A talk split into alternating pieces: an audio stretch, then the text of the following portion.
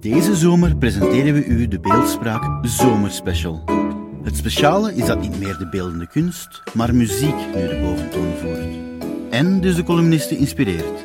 Ik zou zeggen, geniet en laat je uitdagen door de niet-alledaagse inzichten van deze editie.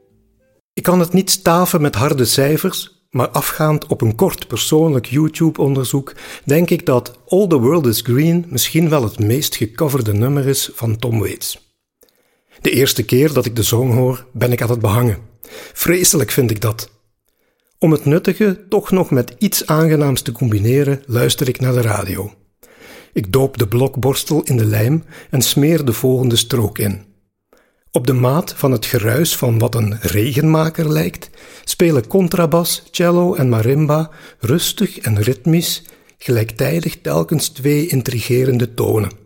Pom, pom, pom, pom. En dan die typische schurende stem, die de zanger zelf karakteriseert als de sand in the sandwich, en die door een biograaf omschreven wordt als een stem die klinkt alsof hij door de Hades getrokken wordt in een baggerschip.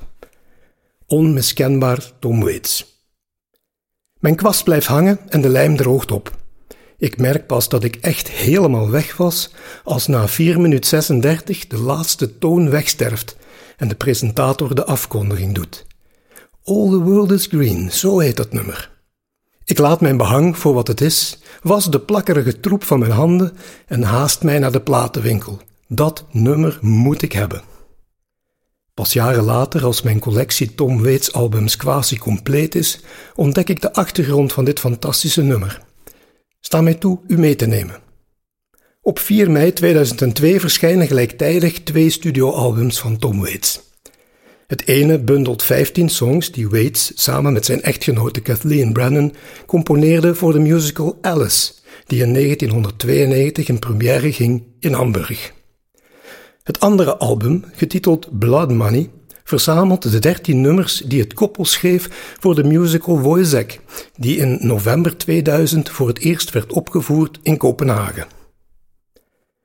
Wojciech is gebaseerd op het gelijknamige boek van Georg Büchner. Deze Duitse toneelschrijver liet het toneelstuk onafgewerkt achter toen hij op 19 februari 1837, op 25-jarige leeftijd, overleed aan de gevolgen van tyfus. Enkele jaren later werd het afgemaakt door de Oostenrijker Karl Emil Franzos en kende het door de loop der jaren tientallen succesvolle bewerkingen voor het theater. Het verhaal gaat over de soldaat Frans Wojciech en Marie, de moeder van zijn buitenechtelijke kind. Om zijn karige soldij aan te vullen, neemt Wojciech deel aan medische experimenten onder leiding van de legerarts. Daardoor gaat zijn geestelijke gezondheid achteruit en krijgt hij een reeks apocalyptische visioenen. Wanneer hij vervolgens ontdekt dat Marie hem bedriegt, verliest Wojciech zijn zelfcontrole en steekt hij Marie dood. Het verhaal eindigt als hij het mes in de vijver wil gooien. Wojciech komt in het water terecht en verdrinkt. Niet bepaald een verhaal waar een mens vrolijk van wordt.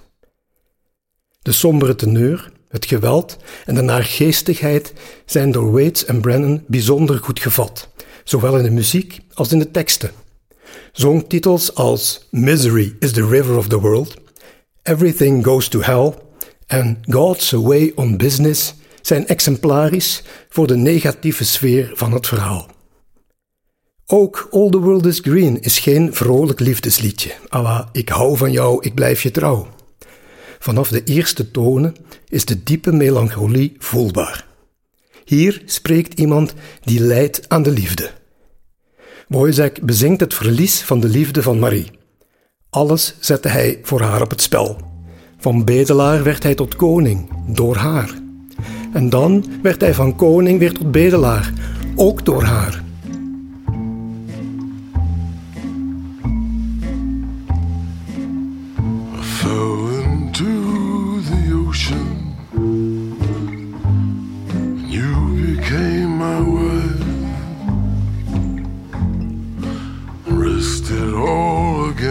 see.